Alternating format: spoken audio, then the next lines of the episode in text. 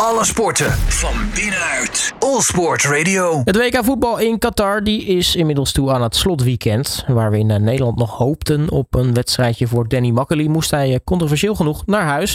Ik ga erover in gesprek met eh, Mario van der Ende, met wie ik uiteraard ook ga praten over de arbiters die de laatste twee resterende wedstrijden mogen gaan fluiten. Mario, hele goede middag. Goedemiddag, Robert. Um, allereerst, ja, we weten dus dat eh, Danny Makkely naar huis is. Uh, is dat voor jou een, een goede keuze, verkeerde keuze? Hoe, hoe zie jij dat? Nou ja, ik, uh, allereerst vind ik het uh, ja, voor het team Makkely, zoals hij het zelf altijd noemt, natuurlijk wel jammer. Ik had zeker verwacht na de eerste twee wedstrijden die ze geleid hebben, dat ze nog zeker een keer aan de beurt zouden komen. Maar ja, toen kwam na die wedstrijd van Nederland-Argentinië de geruchtenstroom op gang dat, uh, ja, dat Makkeli weer naar huis kon gaan omdat de FIFA uh, onbevooroordeeld met die scheidsrechters aan de slag wilde gaan. Dat die misschien nog zouden denken dat die een soort revanche zouden nemen op, uh, op Argentinië, omdat die Oranje hadden uitgeschakeld. Ja, dat is natuurlijk de grootste idioterie die er kan zijn. omdat je als scheidsrechter natuurlijk daar neutraal op dat toernooi aanwezig bent. Dus ik wilde best het verwachten, maar ja, ze hebben het niet gedaan. En als je dan de aanstellingen ziet van de scheidsrechter in de finale, Machinak, de, de Pool, uh, ja, dat vind ik zelf een, uh, ja, een redelijk veilige keuze. Ik vond hem uh, niet echt uitblinken, want dat vond ik nog steeds Ramos, die afgelopen week een halve finale vloot. de Mexicaan was dat. maar ook wel bij de betere zat. En als je dan ziet de aanstelling van de Qatarees, die de derde en vierde plaats mag fluiten tussen, tussen Marokko en Kroatië. Ja, dat vind ik gewoon een, een vervroegd kerstcadeautje. Die brave man heeft de eerste ronde één wedstrijd gefloten. Zo niemandalletje tussen Wales en, uh, en de USA. En daarna is hij niet weer in actie geweest. Dus dat, dat, dat kun je gewoon zien dat dat gewoon een, ja, dat wat ik zeg, een cadeautje is naar de Qatarese organisatie. Nou, je zou verwachten dat uh, in plaats van een Abdurrahman Jassim, die dus nu gaat fluiten, daar had je een prima een Makkeli neer kunnen zetten. kijk, je bent als, uh, als scheidsrechter ben je overgeleverd aan de grillen van de bogo's van de FIFA. En kijk, wij bepalen dat niet. En ja, ik heb wel eens eerder ook in deze uitzending gezegd van, je bent gewoon ja, met een, ja, een soort schaakbord sta je daar en dan ben je gewoon een pion van de ja, van, de bobo's. En, ja, en die bepalen dat. En ja, ik heb nog steeds het idee dat ze toch echt niet helemaal naar kwaliteit kijken, maar gewoon een politieke voorkeur erg, ja, erg naar voren laten komen. Want jij hebt zelf ook twee WK's mogen fluiten. Jij hebt dus ook het, het politieke wereldje van de FIFA meegemaakt. ja, dat is dus niet echt veranderd in, in de loop der jaren. Nee, maar ja goed, zolang iedereen daar elkaar tevreden houdt. Ik geloof dat de, de favoriete plaat nog steeds daar keep the customer satisfied is van Simon en Carfunkel. Uh, ja, dat is, dat is een beetje hun, hun leuze, hun, hun slogan. Iedereen zoveel mogelijk tevreden houden. Als je ook ziet dat uh, de aanstellingen nu voor de laatste twee wedstrijden, hoeveel verschillende nationaliteiten daarbij aanwezig zijn. Niet alleen de scheidsrechter, maar ook de, VAR, de eerste VAR, de tweede VAR, uh, de derde VAR.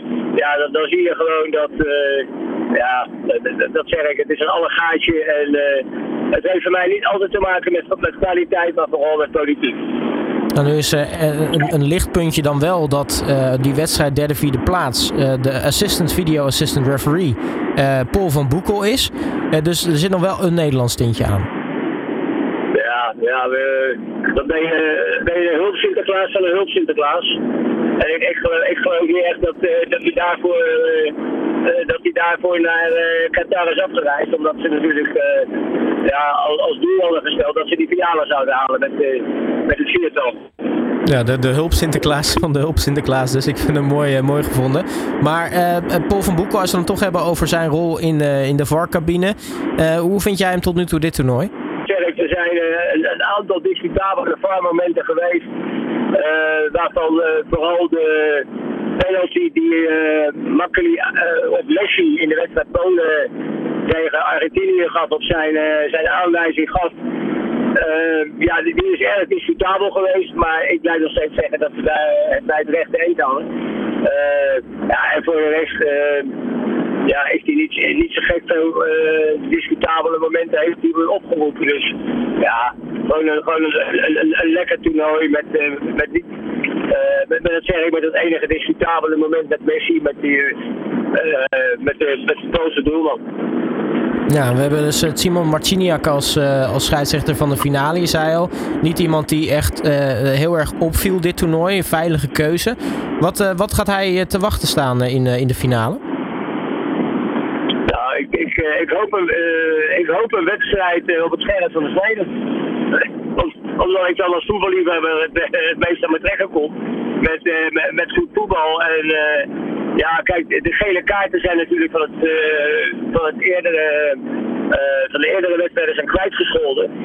Dus dat betekent dat, uh, ja, er zullen ongetwijfeld uh, 22 man lopen met de mist tussen de tanden. Want ja, dit is uh, zeker voor, voor een aantal spelers de, de, enige kans om een wereldtitel te halen. Dus ja, dat, dat, dat, dat zijn wedstrijden die ja, bijna van een andere planeet zijn.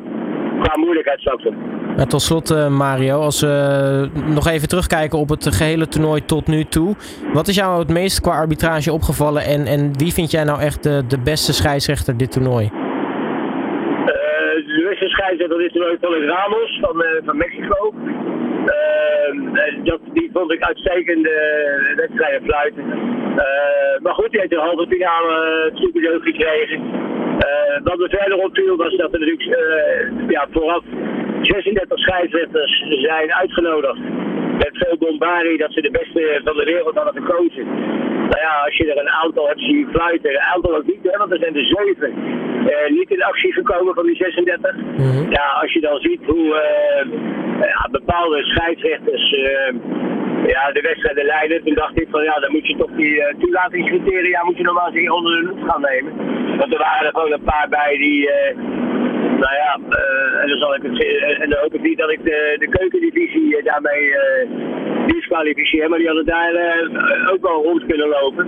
En wat natuurlijk opviel was dat voor het eerst een vrouw die mevrouw Frappard uit Frankrijk een wedstrijd heeft geleid. Maar ook daar zie je dus gewoon dat het een soort window dressing is. ze hadden drie dames uitgenodigd. Nou ja, waarvan er dan eentje één wedstrijd heeft mogen leiden. De wedstrijd Costa Rica-Duitsland en een moeilijkheidsgraad van 0,0. Ja, dan, dan zie je dus gewoon dat, uh, ja, ze, kunnen dus zeggen dat ze een historisch moment hebben meegemaakt. Maar voor mij was het dus gewoon een, uh, ja, een vorm van pure window dressing. Nou, helder in ieder geval. Mario van den Ende mag ik je hartelijk danken voor je tijd en natuurlijk veel kijkplezier komend weekend. Dankjewel. En ja, fijne uitzending verder. Alle sporten van binnenuit. All Sport Radio.